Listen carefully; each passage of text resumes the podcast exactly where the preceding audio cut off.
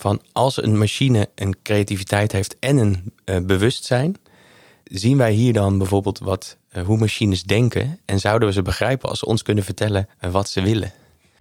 De Dataloog is de Nederlandstalige podcast over big data, data science, machine learning, kunstmatige intelligentie en de digitale transformatie. Luister naar onze wekelijkse podcasts, nieuwsupdates, specials en mini-colleges. Ja, daar zijn we weer met een eh, nieuwe uitzending van de Dataloog. Leuk dat je luistert. En vandaag, Jurien, gaan we het hebben over de art of AI. Creativiteit bedoel je? Creativiteit. In algoritmes. Ja, top. En het is erg leuk om te melden aan de luisteraars dat wij ook in een super creatieve ruimte zitten. Wat heb jij een prachtige studio gemaakt, Jurjen. Dank je, dankjewel, Harm. Ik zal nog wat foto's op de LinkedIn-pagina plaatsen. Voortaan doen we alle opnames hier, of niet? Ja, heel graag. Laten we naar de gasten gaan. We hebben twee gasten vandaag, Laurens Vreekamp en Marlies van der Wees. Laurens, wie ben je en wat doe je? Nou, mijn naam is Laurens Vreekamp. Ja, wie ik ben? Ik ben 41 op dit moment. Geboren 15 november 1980. Voor de volledigheid, mocht je later luisteren. Um, ja, wat doe ik? Ik, ben, um, ik heb mijn eigen onderneming, Future Journalism Today, uh, met een academy. En een van de dingen die ik doe is, ik uh, help eigenlijk journalisten, mediamakers, maar ook ontwerpers om uh, ja, machine learning praktisch toe te passen in hun creatieve proces voor hun werk. Ben je nou ben je een journalist of een schrijver? Hoe omschrijf je jezelf? Nou ja, samen met Marlies schrijf ik een boek. Dus dan mag je je schrijver noemen. Het wordt ook uitgegeven bij een uitgever. Dus dan, ja, dan, dan mag je volgens mij schrijver noemen. Iemand zei, dan heb je een ISBN-nummer. Dat is best bijzonder. En, um, alleen, alleen nog een IMDb-nummer en dan ben je klaar. Dat heb je nog, ja. Ik, ja en uh, journalist mag ik me eigenlijk pas sinds dit jaar noemen. Omdat ik uh, nu ook artikelen publiceer voor Villa Media. Schrijf ik ook over uh, onderwerpen zoals algoritmisering in de journalistiek. En creativiteit voor makers. En dan krijg ik betaald per woord. En dat heb ik nog nooit in mijn leven gedaan. En het wordt in, een, uh, in het industrieblad voor journalisten uitgegeven. Dus vind ik dat ik me ook journalist mag noemen. Heb je vroeger nooit aardbeien geplukt of zo? Dan krijg je betaald per bakje. Nee, ik heb wel kranten bezorgd. Okay. En bij een bakker gewerkt. Maar dan kreeg ik niet betaald per brood. Maar gewoon uh, nacht. Wel nachttoeslag. dat dan weer wel. Nou, kranten bezorgd. Het is een heel mooi bruggetje naar de andere gast. Naar uh, Marlies. Marlies, wie ben jij en waar werk jij? Wat doe je? Uh, ik ben Marlies van der Wees. Ik ben uh, 35 jaar machine learning engineer bij DPG Media tegenwoordig. Ik heb vroeger ook bij een bakker gewerkt. Daar heb ik ontzettend goed leren hoofdrekenen, want dat hadden we nog niet eens een kassa die dat voor me deed. Maar inmiddels hoef ik het rekenen niet zelf te doen. Het programmeren wel en dan rekent de computer voor mij. Maar bij DPG Media ben ik machine learning engineer en ik werk aan nieuwspersonalisatie in een teampje van andere machine learning engineers. Uh, ja, wij, werken aan modellen uh, nieuws op maat proberen te brengen voor lezers. Van de verschillende online nieuwsmerken die we bij DPG Media hebben. Oké, wat interessant. Hey, en heb ik nou goed begrepen dat jij gepromoveerd bent? Ja, dat klopt. Ik heb al een ISBN-nummer. van een boek dat waarschijnlijk naast mijzelf nooit iemand heeft gelezen en gaat lezen. Van kaft tot kaft. Ja. De meeste van mijn vrienden komen niet verder dan een dankwoord. En die zijn al blij dat ze daarin staan. Ja, dat is het droeve lot van ja. een promotieonderzoek hierin. Hoor je dat? Ik ga voor meer, uh, voor meer uitgaven hoor. Maar Marlies heeft het, is al zover. Ja, jij nog niet. Klaar, ja, nee. Ja. Dokter, uh, welkom aan tafel. Ja, nou, het was wel een, het is in ieder geval een ontzettend leuk moment om daadwerkelijk te promoveren. Dus dat zou ik je zeker aanraden. Hey, zullen we gaan beginnen, Jurjen? Ja, want we gaan het hebben weer over een boekbespreking vandaag, Harm. En daar heb ik echt heel veel zin in, want ik heb een stuk van het boek ook mogen lezen. Die, uh, die Art of AI, creativiteit en, uh, en AI in dit geval. En in de creatieve sector en in de, ja, ook, ook in de journalistiek. Dus ja, brand los, want het is een nieuwe vorm van uh, AI toepassen, anders dan de industrie wat mij betreft. Laurens, hoe ben je eraan begonnen? Ja, uh, Marlies en ik hebben elkaar ontmoet. Dat was denk ik, wat was het, juni, een beetje lente, zomer 2019. Geloof ik, toen werkte ik bij uh, Google. Ik werkte voor het Nieuwslab en had ik de mooie titel Teaching Fellow. Want iedereen bij Google heeft een hele mooie titel, wat je ook doet. En een van mijn, ja, mijn, mijn taken was om om innovatie met, met redacties uh, te faciliteren, zoals dat dan heette. En um, nou, toen was er iemand bij, uh, bij de persgroep, of DPG Media zoals het nu heet. Die zei van, ja, zou je met ons een design sprint willen doen? En dat is een uh, ja, methodiek om in vijf dagen van een ideetje naar een gevalideerd prototype met gebruikers te komen. En um, dus er werd een team samengesteld. En de voorwaarde is eigenlijk om dat multidisciplinair te doen. En daar zat Marlies in.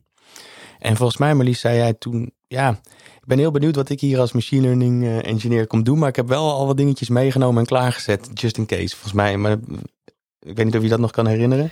Ik weet, weet het niet precies meer, maar nou, ik weet wel dat er inderdaad een hoop uh, creatieve breinen zaten en mensen die wisten hoe je gebruikersonderzoek en hoe, hoe je nou aan een uh, komt tot een product.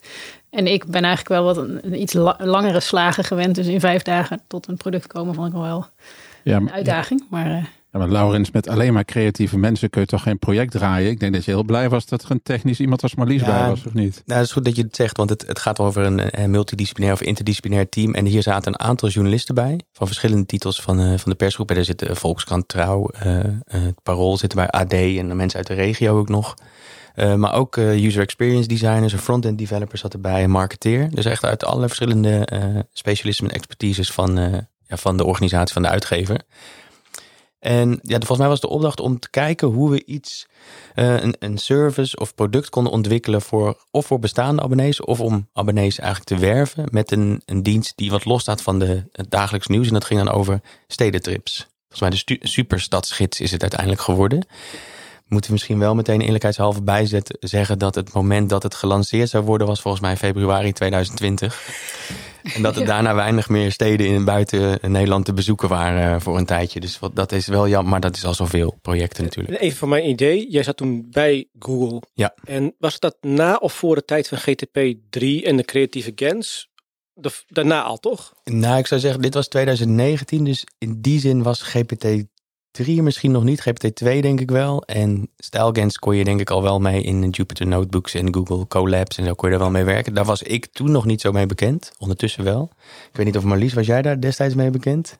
Nou, ik heb er wel van gehoord toen ze, ik denk dat ze tegen het einde van mijn PhD tevoorschijn kwamen en populair werden. En toen heb ik er nog wel het een en ander over meegekregen. Maar ik heb daarna ook wel een beetje de echte researchhoek van de, van de machine learning verlaten wat meer praktisch toegepast. En in mijn banen daarna heb ik nooit met style hoeven werken. Dus ik, uh... ja. ik, ik vroeg het natuurlijk omdat creativiteit en AI eigenlijk van de laatste ja, anderhalf, twee, drie jaar is, hooguit.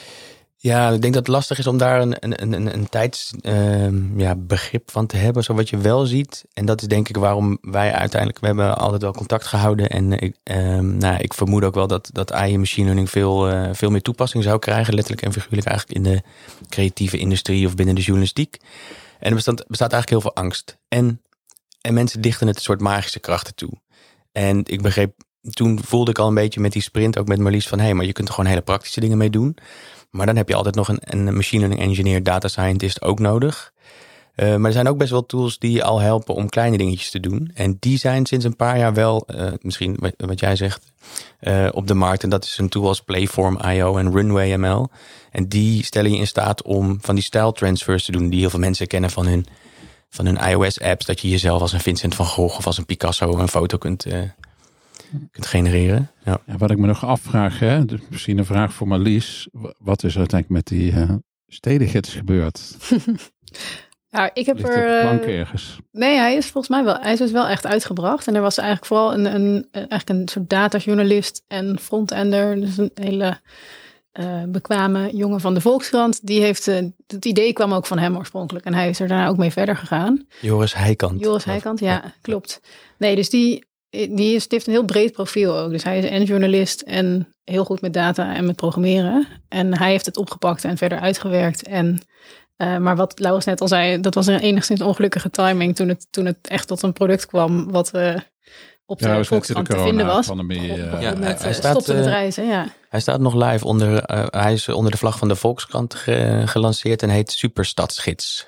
Oké, okay, maar vinden. alleen voor uh, abonnees van de Volkskrant. Hè? Nee, hij is ook open. Een deel is open. Maar volgens mij kun je een account aanmaken om dingen te delen met andere mensen. Als je van plan bent om op uh, stadsreis te gaan of er al bent, bijvoorbeeld in Valencia of Kopenhagen, dan open je hem en dan krijg je een wandeling of tips of cultuur. Ja. ja ik heb een abonnement op de Volkskrant. Ik denk dat is een leuke extraatje, ja, maar uh, ja. het is voor iedereen begrijp ik. Ik denk het wel, ja. Het, is wel, het idee was ook wel echt leuk, omdat het niet alleen de standaard highlights van de stad, want die vind je wel, maar net even een beetje beetje extra erachter. Oké, ja.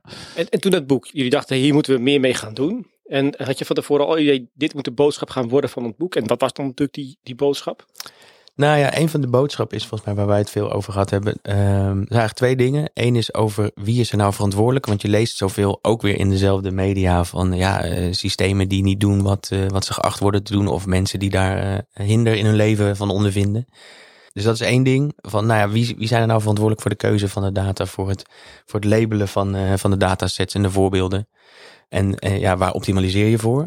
Dus dat is belangrijk, denk ik, voor een groter uh, publiek, eigenlijk breder maatschappelijk, om dat te beseffen hoe, hoe die systemen werken. En niet in heel technische zin, maar wel, nou ja, de, moet ik zeggen, qua infrastructuur en en de andere is denk ik dat uh, ja, die demystificatie. Er kwam op een gegeven moment ook een rapport uit van, het, van de Wetenschappelijke Raad voor de Regering. En die hebben dan vijf speerpunten. En één daarvan is demystificatie. En daarvan zeggen we ook van ja.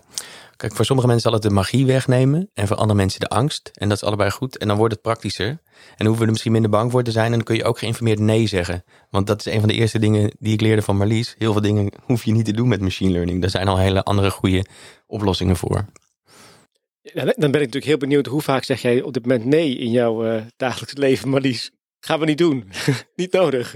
Ik, uh, ik doe mijn best om uh, mijn grenzen aan te geven. Maar nee, ja, met, er zijn gewoon heel veel taken waar, waar meer digitalisering interessant voor is. Ja. Dan dat je per se het meest fancy neurale netwerk tegenaan moet gooien. Um, want mijn beeld over de media is dat het inderdaad, wat jij ook al zegt, of het zijn hypersonische, fantastische berichten dat alles gaat mogelijk worden, of het is een, type bericht van alles is gedoemd te mislukken en help, we moeten er bang voor zijn. En dat stukje genuanceerdheid in het midden, dat, dat, dat in ieder geval de schrijvende journalisten zie ik het niet zoveel. Zie je dat ook zo? Ja, er wordt ook wel heel veel, zeker, en er wordt ook wel heel veel soort van kwaad afgeschoven op algoritmes. Dus ja. toeslagenaffaire en andere uh, naar Facebook. En dat is niet per se een algoritme of het model wat het misdoet. Het, er zijn ook de menselijke keuzes daarachter en de, waar je voor optimaliseert en hoe je je data verzamelt en wat je daarmee doet. Dus dat is wel echt een boodschap die we in het boek ook heel erg proberen te benadrukken. Dat iedereen kan er op zich mee aan de slag in, in zekere mate. En uh, iedereen kan zichzelf afvragen, wat vind ik belangrijk uh, dat mijn algoritme doet. En dat het niet discrimineert of dat het niet uh, ja, keuzes maakt waar je niet blij van wordt. En wat vinden jullie dan van, dat hoor je de laatste tijd natuurlijk overal, explainable AI. Vinden jullie dat ieder algoritme uitlegbaar moet zijn? Ja, dat is wel aardig. We hebben in, in het boek ook een interview gedaan met, er zitten twaalf interviews in. En jullie hebben er ook volgens mij een aantal gelezen. En uh, een van de laatste interviews die we hebben afgenomen was met Dasha Simons. En zij is van uh, IBM, is daar senior AI consultant. En wat zij doet is workshops met, met bedrijven vooral ook die uh, AI willen gaan inzetten. En zij doet eigenlijk ook al een soort van um, unintended consequences scenario workshops. En ze zal het zelf beter verwoorden. Maar een van de dingen die ik van haar leerde en die ook in het, in het interview komen, zijn uitlegbehoeften. En dat vind ik wel een mooie manier om te kijken. En ik denk, kijk, je kunt zeggen ja of nee, maar er zitten natuurlijk heel veel gradaties. En zij noemt het voorbeeld van iemand die uh, een subsidieverstrekker. Daar heeft je iemand die aanvragen beoordeelt, maar je hebt een inzender, maar je hebt ook iemand die bijvoorbeeld een model kan bouwen om te kijken van welke, uh, welke aanvragen kunnen we direct terzijde schuiven of waar zetten we vraagtekens bij of welke zijn al helemaal interessant genoeg, voldoen aan de voorwaarden. Dat kan je natuurlijk deels al met, met een bepaalde automatisering uh, ja, afvangen. Maar de aanvrager die heeft andere uitlegbehoeften dan de data scientist, dan degene die afgewezen wordt. Nou, dus daar, dat noemt zij als voorbeeld. Dus die uitlegbaarheid is denk ik deels wel nodig om uh, het publiek en de verschillende stakeholders, of die nou intern of extern zijn, is denk ik die uitlegbaarheid wel nodig. Maar daar moet je over nadenken in welk, op hè, welk niveau, welke mate, denk ik. Dus dat, dat zou mijn antwoord zijn. Het hangt er niet ook een beetje van toepassingsgebied af. Ik denk als je het algemene klassificatiemodel hebt, nou, kan ik me iets bij voorstellen. Hè? Dus je moet begrijpen hoe een algoritme klassificeert. Maar gaat het om het uh, voorspellen van uh, nou ja, de omzet van DPG, ik zeg maar even wat. of het aantal abonnees van de Volkskrant. Dat boeit er helemaal niet hoe dat model werkt. Als het maar een beetje goed voorspelt. Ja, nou ja, het is, ja, het, het is inderdaad, je hoeft, het, het doet er niet altijd toe. Maar ik vind het zelf in het algemeen wel een goede trend dat er nu daarnaar gekeken wordt. Als ik eigenlijk kijk naar mijn eigen promotieonderzoek, wat dan uh, over machine translation, dus, uh, computervertaling, vond ik dat er, als je dan papers leest in het vakgebied, er werd, in die tijd was uh, explainable AI was nog niet echt helemaal, nou niet echt populair. Dus waren de algoritmes nog veel makkelijker misschien? Ook een beetje, ja. Maar ik vond in ieder geval dat dan papers gaan heel vaak over een hogere score halen dan die ander. En alleen maar dat, alleen maar als jij net een beetje beter was dan je concurrent, dan kreeg je je paper gepubliceerd. En ik vind het in die zin wel een hele goede trend dat in ieder geval het onderzoeksveld beweegt naar, ik wil ook weten waarom een model het wel of niet goed doet. Niet alleen het onderzoeksveld, maar ook het journalistieke veld natuurlijk. Zeker Dus ook, dan ja. over- dit, creativiteit. dit soort dingen beginnen denk ik wel vaak in Ja. het onderzoeksveld. En, dan, Ja. en, en nou ja, en daardoor wordt dit populairder en toegankelijker om ook eens even te kijken waarom je keuzes gemaakt worden en waar, waar je fouten zitten en waar dat aan ligt. Ligt het aan je data of je model? Want even terug naar, naar die journalistieke wereld. En dan dit vraagstuk op de, de schrijvers, mensen met een ISBN-nummer. Wat zouden die dan minimaal moeten weten van het vakgebied om hierover te, ja, misschien tot eens quote-unquote, te mogen schrijven? Dat je zegt, nou, dit zijn de handvatten die je moet hebben. Ja, dat, is- dat is een goede vraag. Want ik, ik wil er nog iets aan, aan toevoegen. Dat ehm, met die explainable AI, eh, als je het hebt over computer vision bijvoorbeeld. We behandelen in het boek het voorbeeld van eh, Vertex AI. Dat is nu de, de, de machine learning as a service omgeving van, eh, van Google. Die zeg maar ook voor non-coders ja, goed toegankelijk is. Dus daarom behandelen we het boek. Want het is voor mensen die niet hoeven of kunnen of willen programmeren.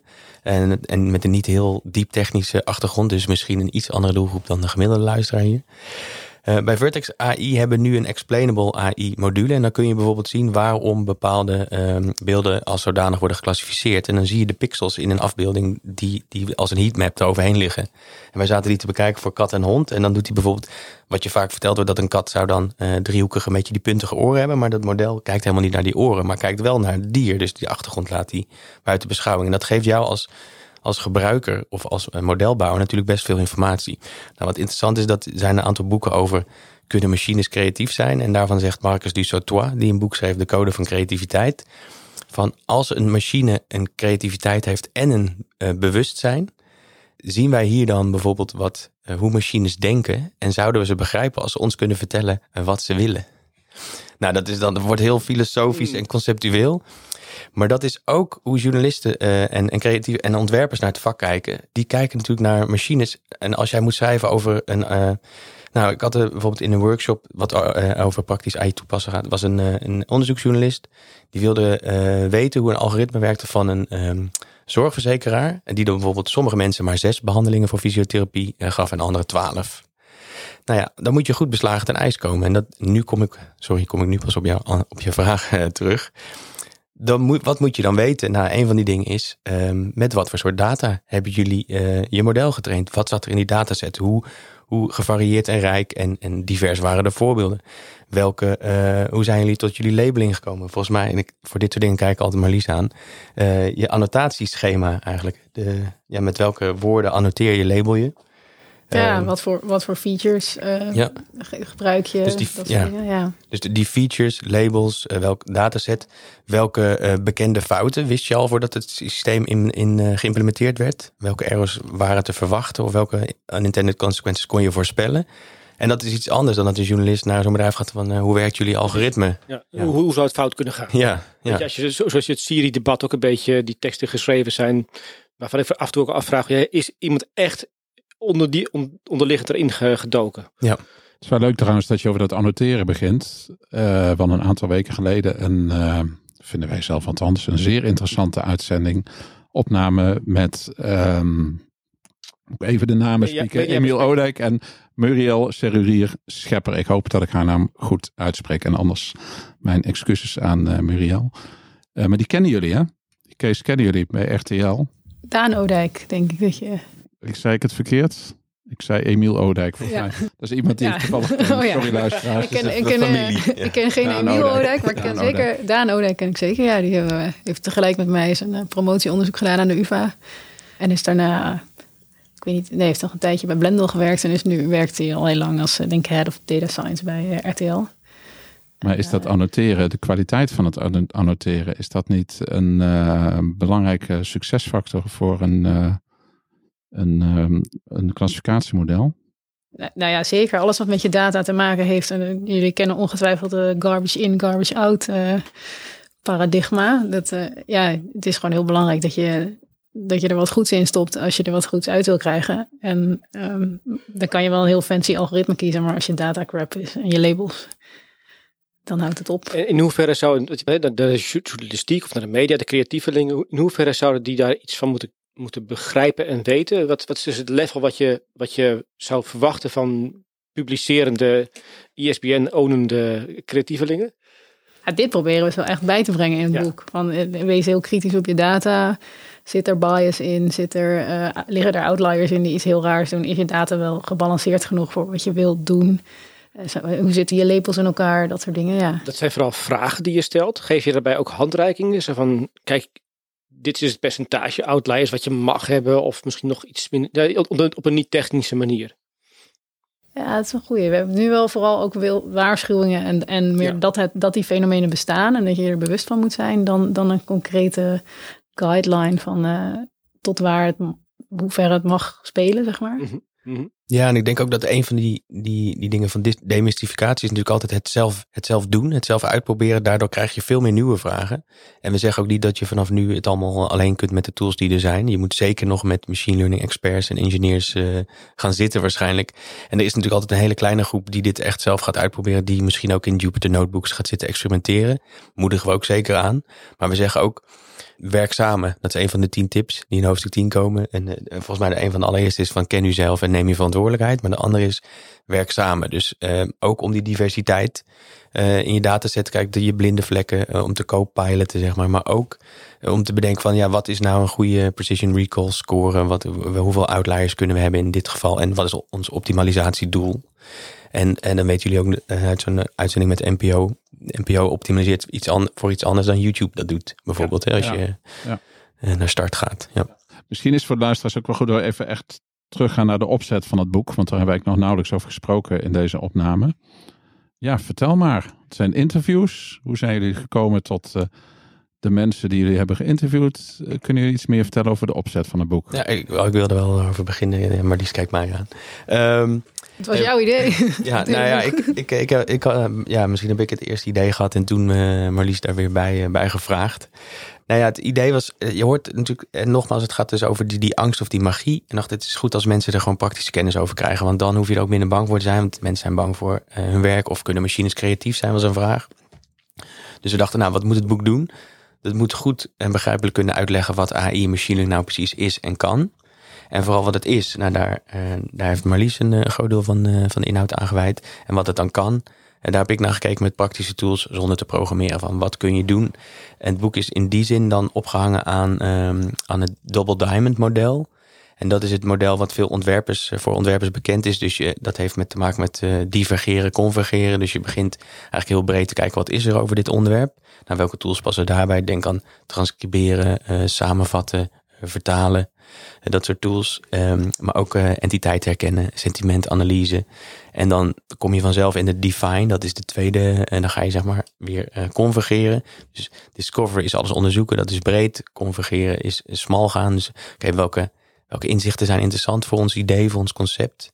En stel je principes op en dan gaan we naar de, de generatieve fase. Dus de, dat is de develop. Dat is de tweede diamant, zeg maar de eerste breed. Daar zitten de stylegans onder andere bij en GPT-3-achtige tools die dus helpen om dingen te genereren. Waarbij machine learning modellen ja, je opzetjes geven of alternatieven bieden. En de laatste fase is, dan kom je weer samen, want dan moet je gaan leveren. En dan hebben we tools als Descript, waar je heel goed eh, audio-video mee kan editen als een soort Word-document. En ja, nog, nog een aantal andere tools. Volgens mij hebben we bijna 60 tools gevonden die je door die fases heen kunt gebruiken. En we eindigen eigenlijk het boek met weer uitzoomen. Oké, nu heb je deze tools, je weet nu wat machine learning is. We hebben gevraagd, kunnen machines creatief zijn? Wat betekent dit voor je werk? Ehm, moet er een nieuw model komen? Eh, en we hebben nog mensen gevraagd, hoe werk jij dan nu met AI? Wat denk jij wat er, eh, wat er moet En, gebeuren? en wie, geef eens een paar voorbeelden van mensen die jullie hebben eh, eh, geïnterviewd. Wat zijn dat voor mensen?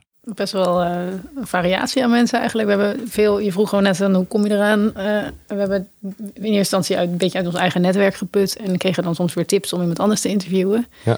En we hebben eigenlijk mensen met een hele technische achtergrond. Dus die ook machine learning engineer of data scientist zijn. Maar aan een, aan een creatieve toepassing werken of hebben gewerkt.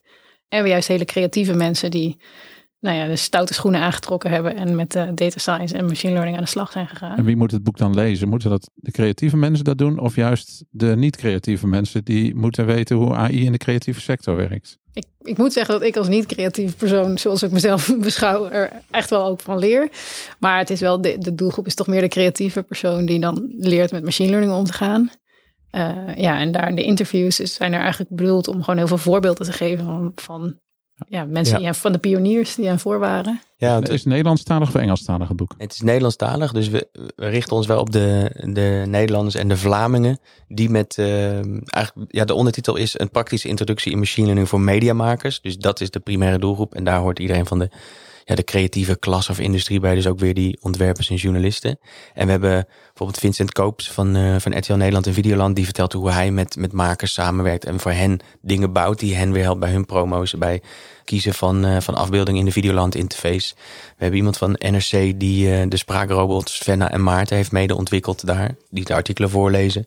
Ja, ik heb Ja. hier, een, ik, ik heb natuurlijk dingen gelezen. Ik- Ja. Wat ik heel gaaf vond, is die van van Casper Schipper. Ja. Van Artes. Daar kun je iets over vertellen? Op wat, eh, wat hij gedaan heeft, met, eh, onder andere met eh, Deep Family. Nou, dit was, dit was iemand die dan weer getipt werd doordat wij vertelden dat we bezig zijn eh, of waren met dit boek. En toen zei iemand, ja, dan moet je Casper Schipper ook hebben, want die heeft samen met kunstenares Daniela Schwabe gewerkt aan een project wat Deep Family heet. En nou, daar hebben we hem over geïnterviewd. Ook zijn kijk op, op AI. En kort over dat project, wat ze hebben gedaan. ehm Daniela Schwabe, die, eh, die had gekeken geloof ik op basis van een uitspraak van... Nu is de naam van de Russische schrijver me even ontschoten, maar dat is zoiets van alle gelukkige... Anna Karenina. En dan Karin, alle gelukkige families lijken op elkaar, maar alle ongelukkige families zijn uniek. Toch? Of gezinnen of families. Ja. ja. En ehm, daar, wat zij heeft gedaan, is zij heeft gekeken naar eigen familiefotoarchief. En daar heeft Casper vooral het technische gedeelte van gedaan. Die hebben ze ingescand, allemaal op dezelfde manier, eh, vrij secuur gedaan. En gekeken of er een, een stijlgen, en dat is eh, een techniek, volgens mij de GAN staat dan voor Generative Adversarial Networks, waarbij je, en nu ga ik voor mij het meest technisch dat ik het weet, dat ik Kom er maar in. Marlies. Er maar in. Ja, en je hebt Kan een- Laurens prima. je hebt een generator en een discriminator. En volgens mij zijn ze eerst gekeken van, nou, dit zijn familiefoto's, zoals vanuit Daniela's familie. Ehm, en die, nou ja, eh, ga die genereren. Dat, dat doet, is wat een stijl heel kort door de bocht doet, een stijlgen. Dus die genereert beelden. En de discriminator die zegt eigenlijk, dit lijkt op een familieportret van Daniela en deze niet. Totdat hij zichzelf steeds beter versterkt. En beter tot, eh, ja, tot een beeld kan komen wat echt wel lijkt. En daar hebben ze meerdere, als ik het goed zeg, meerdere beelden van door laten genereren. In een paar, eh, geen, ja, ook weer een paar evoluties zeg maar, van die stijlgen. Totdat Daniela zei, ik vind dit een krachtig beeld. En dat is ze gaan schilderen. Dus ze heeft een AI eigenlijk ingezet in haar proces, een stijlgen. Eh, oh ja, we mogen geen een AI meer zeggen. Sorry, Marlies, dat zou ik niet meer zeggen. We hebben een, eh, een, een Ik AI vind dat heel raar klinken. Ja, een AI-techniek. Ja, het grappige is dat heel veel mensen die ook echt eh, ja, die AI hebben gestudeerd of dus echt met machine learning werken, daar is ook heel makkelijk gebruiken een AI. Ik heb het in mijn netwerk nagevraagd en daar vindt Ja. iedereen Nee, het ik, raar. Ja. ja, niemand die dat zo zegt. Dus het mag eigenlijk niet. Dus ik eh verexcuseer mezelf hier al direct. Excuses. Maar goed, dus een AI-techniek ingezet ehm, ja, om haar creatieve proces verder te helpen. En zij, is daar, eh, zij heeft daar weer een, schilderij van gemaakt. En dat is dan weer een aanleiding geweest voor de correspondent om een visueel, om, eh, ja, een visueel essay van te maken. Een essay met haar, eh, haar beeld. En dat zien we steeds vaker. Ook uit andere interviews merken we dat. Dat veel creatieve makers zeggen... ehm, AI-inzet is geen endpoint, geen eindpunt, maar het is een aangever, het is een compagnon, het, is, het, het kan een startpunt zijn, een alternatief, een suggestie, een inspiratie. En zo kan het voor copywriters eh, een idee zijn voor een alternatieve headline of een introductie van een tekst. eh, dan dat je het als eindresultaat moet inzetten. Dan lijkt AI creatief. Dan kijk ik toch echt even naar jou, eh, Marlies. Maar AI is natuurlijk niet zo heel creatief. Nee, Toch? nou, ik vind inderdaad eh, AI niet creatiever dan ik mezelf vind. Ehm, nee, AI, nou ja, machine learning in ieder geval. Kijk, er is ook misschien nog wel AI meer, wat meer in de, weet je, de fictiehoek zit. Maar machine learning zoals, zoals we het nu kennen, eh, kan fantastische dingen doen. Maar het doet wel vooral na wat het eerder gezien heeft. En ja, zeker in de vorm van zo'n zo'n style dan kan je misschien wel een beeld krijgen waarvan je denkt dat had ik zelf niet bedacht als kunstenaar. Of dat ik niet zelf geschilderd. Ja, een, een oor met een raar dingetje eraan, dat, dat zou je niet doen. Dat is eigenlijk een foutje van het model. Maar dat kunnen we misschien soms interpreteren als, als iets nieuws of iets creatiefs. Eh, maar ja, echt out of the box denken, dat... eh, In het voorgesprek zei jij zo mooi van... eh, AI kan heel mooie recombinaties maken van dingen die je al weet... die wij niet hadden kunnen bedenken. ja, Hoe, hoe bedoelde je dat? Nou ja, je kan, eh, kijk, AI tegenwoordig ook met de, met de nieuwe taalmodellen, kan, kan het ook wel nieuwe woorden maken. Of, een- of, en, en dan had je misschien, daar was je daar zelf niet opgekomen, maar doet het wel op een manier die past bij wat we als input hebben gegeven zelf aan het model. Dan kan AI bijvoorbeeld mooie muziek maken. Ja, dat is een hele goeie. Want dat, daar gaat eh, Vincent Koops op in. En die zegt van, ja, mooie muziek, dat is zo subjectief. Dat kun je nooit als opdracht geven aan, eh, AI-toepassingen. ik wilde een AI zeggen. Maar ehm, als hij weet wat jij mooie muziek vindt, dan, dan zal hij wellicht een aantal suggesties kunnen doen die passen in jouw repertoire, in jouw referentiekader. Wat interessant dan is, is dat er zijn best wel wat mensen die, uh, dat, dat hebben we vaker gelezen, maar ook wel gehoord van uh, interviewees, dat ze zeggen die Move 37 van uh, AlphaGo, van DeepMind toen tegen Lee Sedol het spel Go speelde. Die had een bepaalde, de 37e zet, die was zo out of the blue, die begrepen mensen niet, die dachten dat het bijna een soort misstap was. Maar aan het eind van het spel bleek dat een soort geniale zet die, die eigenlijk niemand had, ooit had gedaan of bedacht had. Ja, maar is dat creativiteit of ja. is dat gewoon heel hard doorrekenen? Ja, maar kan het allebei? Of is het of of? Ik kijk naar Marlies. Ik, ik, ik, kijk nu naar Marlies. nou, ja? Wat, ja, wat, je, je hebt een aantal, uh, aantal denkers over creativiteit. En, da, en dat is misschien wel goed voor een beetje context. Je hebt uh, uh, Arthur Miller en Margaret Boden. En uh, Margaret Boden die zegt voor creativiteit uh, heb je de motivatie nodig om iets nieuws, verrassends en waardevols te maken. En veel van die, die creativiteit die we nu zien, dus er wordt een nieuwe Bach gecomponeerd, er wordt een nieuwe Rembrandt gemaakt met AI-toepassingen, AI-techniek. Die zijn eigenlijk allemaal, ja, je kan zeggen het is nieuw omdat die techniek voor het eerst wordt ingezet. Ze verrassen als het goed is eigenlijk niet, want het lijkt op het werk wat we al kennen. En zijn ze waardevol voor mensen die heel erg van Rembrandt houden? Ja, die vinden het dan een keer nieuw, maar hoe, je, je vraagt je af hoe waardevol het is. En daarvan zegt Arthur Miller dat is eigenlijk de recombinerende creativiteit. Die is niet zo heel spannend per se. En je combineert gewoon bestaande dingen en soms zit er iets tussen wat, wat interessant is. En je hebt hogere niveaus van creativiteit. En dan stop ik dit kleine college. Uh, en de tweede is de explorerende. En daarin zoek je eigenlijk, ga je over grenzen heen. En dan ga je kijken wat dat oplevert. Of er dan iets spannends gebeurt. En daarvan zeggen we heel veel machine learning engineers. Dat kan je eigenlijk niet aan een machine, uh, met een machine learning model doen. Want die optimaliseer je voor iets wat hij kent. Dus die kan niet buiten zijn eigen script. Want daar is hij niet voor geoptimaliseerd. En de derde is de transformerende. Dat zou dan de Picasso zijn. En die kan iets wat we eigenlijk niet eens kunnen plaatsen. Die komt met iets wat pas jaren later begrepen wordt. Ja, en of die Move 37 dat is. Ja, misschien, misschien is dat geen transformeren, maar ook recombineren inderdaad met hard rekenwerk. Dus dat, ja, dat is een beetje hoe je, hoe je daarna kan kijken. Tenminste, dat heb ik ja. begrepen. Wel dat het ook leuk is om, uh, als je vraagt van, uh, kan, kan AI mooie muziek maken? Om uh, de, de quote van Vincent Koops aan te halen in, in ons interview met hem. Wat was die quote? Um, dat was eigenlijk, ja, dat uh, creativiteit is niet een probleem dat we op willen lossen. Dus uiteindelijk willen wij dat als mensen ook helemaal niet volledig aan machines gaan uitbesteden. Dus, ja, volgens mij want, zei ja. hij zei ook nog zoiets van, ja, het is niet zo dat ze zeggen, hè, nou, dan hoeven we nooit meer gitaar te spelen, want dat ja, kan een precies. machine beter. Nee, mensen vinden het leuk om dat te doen. Die hebben een, die motivatie om te scheppen. Ja. En, ja, en als ze een liedje van de Beatles willen spelen of de Red Hot Chili Peppers, is dat ook goed bij het kampioen, want dan is het heel waardevol en ja, en je gebruikt vaak ja. het woord motivatie. En algoritme is uiteraard uit zichzelf nooit gemotiveerd om een uh, liedje te maken of een uh, schilderij of een uh, proefschrift. Nee. Ik wil toch nog even naar de meer dystopische kant van het verhaal. Sorry. Heel goed. Heel goed. Ja, hebben jullie ja. weer ja. um, want een van de dingen die natuurlijk ja, heel belangrijk is en hot is, is natuurlijk deepfakes. de algoritmes die verkeerd gebruikt worden. En dan kom ik op het, op het interview met Koen van de Ven. Hij is journalist bij De Groene Amsterdammer. Ja. Um, ja, jullie hebben gesproken met in eerste instantie over het MH17 complot en hoe daar foto's in gemanipuleerd hadden kunnen zijn en, en dergelijke. Als ik het een stuk goed begrepen heb. Ja, nou, volgens mij heeft hij, heeft hij gekeken naar. Volgens mij zei uh, destijds uh, de minister van Binnenlandse Zaken, Kajsa Ollongren, die zei van er zijn uh, Russische trollen in Nederland actief. Ja. En toen wilde hij weten van, nou ja, dan waarschijnlijk op Twitter of Facebook. En hoe ziet dat er dan uit? Hoe, hoe werkt dat dan? En ik moet eerlijk zeggen dat ik niet precies weet of dat ook om uh, manipulatie van beelden gaat. Maar in ieder geval wel over berichten, informatie mm. verspreiden die onwaar zou zijn. En toen heeft hij dat met Robert van der Noorda, of Robert Noorda, uh, onderzocht. Ook een datajournalist. En uh, ja, toen hebben ze wel, uh, wel gekeken van hoeveel inmenging er was aan berichten. Ja. Ja. ja, en MA7, ja, sorry dat ik onderbreek jullie. En dat is ook door Bellingcat helemaal onderzocht. Ja. En dat is trouwens ook een geweldig boek. Als we die schrijver een keer kunnen interviewen. Nou, bij deze uitnodiging. Ja. En dan uh, zit je in de OSINT, hè, de Open Source Intelligence uh, ja, hoek, ja. Zoals, zoals die categorie dat heet. Dat ja. is niet typisch AI natuurlijk. Nee, niet. Dat is gewoon beeldmateriaal met elkaar Ja. vergelijken. Maar wat er interessant aan is, is en daar ben ik ook op ge- geabonneerd, is de, de Algorithm Watch nieuwsbrief. Ja. En kun je daar iets over vertellen? Hoe dat, eh, wat die doet en waar, waarom dat zo'n belangrijke nieuwsbrief zou kunnen zijn? Ja, wat zij doen is zij kijken eigenlijk naar, eh, dat is van origine een Duitse NGO. Uh, maar ze opereren nu al wat internationaler. En zij volgen eigenlijk allerlei nieuws waarbij algoritmes impact hebben op het dagelijks leven van mensen, veelal burgers.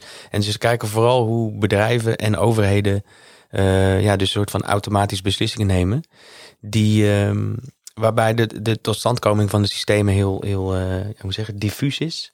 Heel, heel onduidelijk is hoe die systemen werken en wat er, ja, waarom die zijn uh, geïmplementeerd. En of mensen daar uh, over, ja, oversight, hoe moet je zeggen, of er een soort toezicht op is. En dat proberen zij heel erg aan de kaak te stellen en te laten zien van dit gebeurt daar. En daar moeten we op letten. Die, die andere kant nog even van het, van dystopische. We gaan eigenlijk wel positief eindigen hoor. Maar journalisten die krijgen natuurlijk ook te maken met, met beelden van nou, die nu denk aan Oekraïne, wat er nu daar gebeurt. Ook valse beelden, deepfakes. Denk aan Navalny, denk aan de Zelensky die, die gedeepfaked is. Wat moet de journalist daarvan weten? Wat moeten creatievelingen of de media daarvan weten om daar goed mee om te kunnen gaan? Ja, een van de dingen die ik eerder al las, nog ruim voor dit boek, is dat als je weet hoe makkelijk of moeilijk je ze maakt, dan, uh, dan kun je ze ergens ook beter spotten. Al is er ook weer heel recent onderzoek wat zegt dat uh, je er eigenlijk tools voor moet inzetten. Die, en die behandelen we ook weer in het boek. Die helpen om een deep, deepfake te analyseren. Zoals uh, uit mijn hoofd, ja, we hebben zoveel tools. Ik geloof Duck the Goose is een Nederlandse tool die, uh, die dat nu doet. Er zijn er nog een aantal die je dan als journalist kunt inzetten. Net zoals die, die OSINTers van Bellingcat ook. Um, ja, ook allerlei tools gebruiken om images te reverse analyzen, zeg maar, reverse image search. Dus je moet die tools kennen. Het schijnt ook dat je um, Zoals mens steeds slechter in staat bent of ongeveer even goed als machines om te denken van is dit zo'n uh, zo'n synthetisch gegenereerd gezicht van this, this person does not exist of is dit een echt mens? Maar dat schijnen we dus steeds minder goed te doen omdat die techniek waarmee die gezichten worden gegenereerd steeds beter, uh, steeds beter wordt. Aan de andere kant die deepfakes, daarvan zou ik nog wel uh, willen nuanceren dat ja, die zijn steeds makkelijker te maken en dat zal ook wel makkelijker worden door de technologie.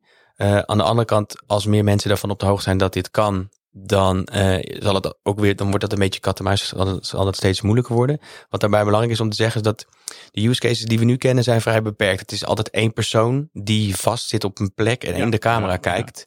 Ja. Uh, dus zeg maar die soort van esthetiek en die layout, zeg maar die compositie, die geeft het eigenlijk al weg.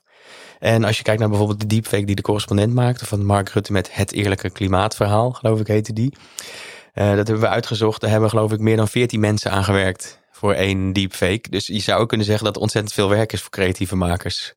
um, om een deepfakes maken. Nou ja, er is de DeepNap, hè, dat is een van de ja, ja. autoriteiten nu, die is ervoor aangetrokken. Er zijn uh, scriptschrijvers, uh, motion designers, noem maar op. Is, is van alles voor allerlei mensen aangetrokken. Ja, ik, ik weet ook nog niet zo goed of dit nou, uh, die, die deepfakes, of dat nou ja, per se uh, gevaarlijker of kwalijker is dan überhaupt gewoon het feit dat iedereen van alles online kan plaatsen. En dat dat allemaal te geloven is. Natuurlijk, journalisten moeten zijn bronnen goed checken, maar ik weet niet of het allemaal een soort van de schuld van AI is of de, hey, maar het, het gevaar van AI. Het zegt ook iets over de ontvanger. Die deepfake ja. van Navalny van vorig jaar, die was natuurlijk verschrikkelijk slecht. Ja. Maar toch uh, trapte toch de halve ja. Tweede Kamer erin. Ja, ja nou ja, het is zeker meer denk ik dat we gewoon in deze digitale, dit digitale tijdperk gewoon geletterd en uh, uh, oplettend moeten zijn in dat je informatie waar die vandaan komt ja. en dat hij niet ja. altijd echt is. Ja. En dit wat ik nu zeg was trouwens helemaal geen deepfake. Dat was een Russische uh, comedian. Dat, ja, ja dat is een impersonator, een acteur. Ja. Ja.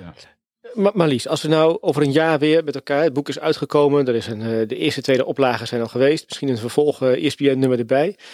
Waar staan we dan? Waar, verwacht jij dat de, dat de journalistiek en de creatieve sector staat over twee jaar als het gaat om, uh, om, de, nou, om gebruik van uh, algoritmiek in, in, in, in, de beroepspraktijk? Nou, ik hoop dat er uh, in ieder geval wat van een soort angst en magie en zo een beetje, een beetje wegtrekt bij journalisten. Dus dat, ja, dat er nu nog, toen ik bij DVG Media begon, een, een journalist met wie ik veel samenwerkte, echt mij ook meteen op een soort voetstuk had gezet. Van, uh, zij is heel slim en zij gaat hele moeilijke dingen voor ons doen. Ik hoop dat, dat, dat, dat er een beetje, het is best leuk om te horen, maar dat het een beetje vanaf gaat. Want het voelt ook een beetje ongemakkelijk, want zulke vreselijk slimme, moeilijke dingen doe, ik daar ook weer niet. En een gedeelte daarvan zou zo iemand zelf ook kunnen. En ja, ik hoop gewoon dat we daar een beetje meer naartoe gaan. Dat uh, mensen iets minder bang zijn, iets meer geletterd erin en iets meer ervaring zelf hebben met kleine projectjes of grotere. Ik, ik hoop zelf ook dat het, het ELSA Lab op uh, Media en Democratie daar ook een beetje aan gaat bijdragen. De HVA natuurlijk ook mee, uh, dat ELSA Lab. Om dat, dat verhaal ook een beetje te vertellen. Wat verwacht jij, Laurens? Ja, wat, wat Marlies verwacht, dat verwacht ik ook. Daarnaast denk ik dat er nog uh, in de journalistiek dat er uh, nieuwe banen bij zijn. Dus zoals je nu de datajournalist hebt, die nu al een jaar of tien ongeveer wel gemeengoed is op de meeste redacties, heb je straks de ja, hoe zullen we uh, haar of hem noemen, de algorithmic editor. Dat kan iemand zijn die bedenkt, hey, we kunnen hier een algoritme inzetten om bijvoorbeeld beelden te analyseren of teksten. Dat kan iemand zijn die meehelpt om dingen te synthetiseren, dus te creëren. Het kan iemand zijn die helpt om bedrijven en overheden, uh, om holding algorithms to account, zeg maar. Die, die dus de, de onderzoeksjournalist die algoritmes onderzoekt en ontleedt. Dat kan diegene zijn. Uh, of iemand die, en dat is dan meer naar de creatieve ontwerperskant, die uh, in concepten nadenkt, of productontwikkeling, of het nou apps zijn of voor het web of wat dan ook. hey, wat zouden we kunnen doen nu we weten dat we met technologie dit soort scans kunnen doen of het op deze manier kunnen personaliseren? Um, die, die meedenkt in dat proces. Dus ik denk dat daar nieuwe banen met nieuwe mogelijkheden voorkomen binnen twee jaar. Ja. Hebben jullie eigenlijk ook Jeroen van den Most geïnterviewd? Uh, niet geïnterviewd, maar wel, uh, wel, ik heb hem wel gemaild. Oh ja. Ja, wel met hem gemaild. Die komt ja. nog bij ons in de uitzending over uh, Letters from Nature en zijn uh, AI-projecten met genereren van art. Ja. Luisteraars, we gaan langzamerhand afronden. Ik vond het zelf in ieder geval een ontzettend boeiende uitzending met twee schrijvers. Wat is de titel van het boek? Dat heb ik nou niet gevraagd. Uh, daar zijn we mee begonnen, ja, toch? zijn we mee begonnen. The Art of AI. Ja, oké. Okay, ja, dat, dat wordt willen we best nog een keer van deze uitzending. Ja. Ja. Heel goed. Zeg het nog maar een keertje, Maurice. The Art of AI. Als we meer willen weten, waar kunnen we terecht? Um, ja, dat kan op uh, artofai.nl. Helder. Ja. Heb je die al aangemaakt? Ja, die hebben we al. Okay. Ja, ja, we hebben er heel veel, maar dit is de kortste. artofai.nl. En nog eventjes, uh, ik ben natuurlijk geabonneerd op jouw nieuwsbrief. Heel goede nieuwsbrief, uh, waar ik heel blij van word. Dus dat ook voor de luisteraars, abonneer je erop. Je hebt veel, veel nuttige informatie over uh, machine learning, supervised, unsupervised learning. Heb je ook een nieuwsbrief, uh, Marlies? Nee.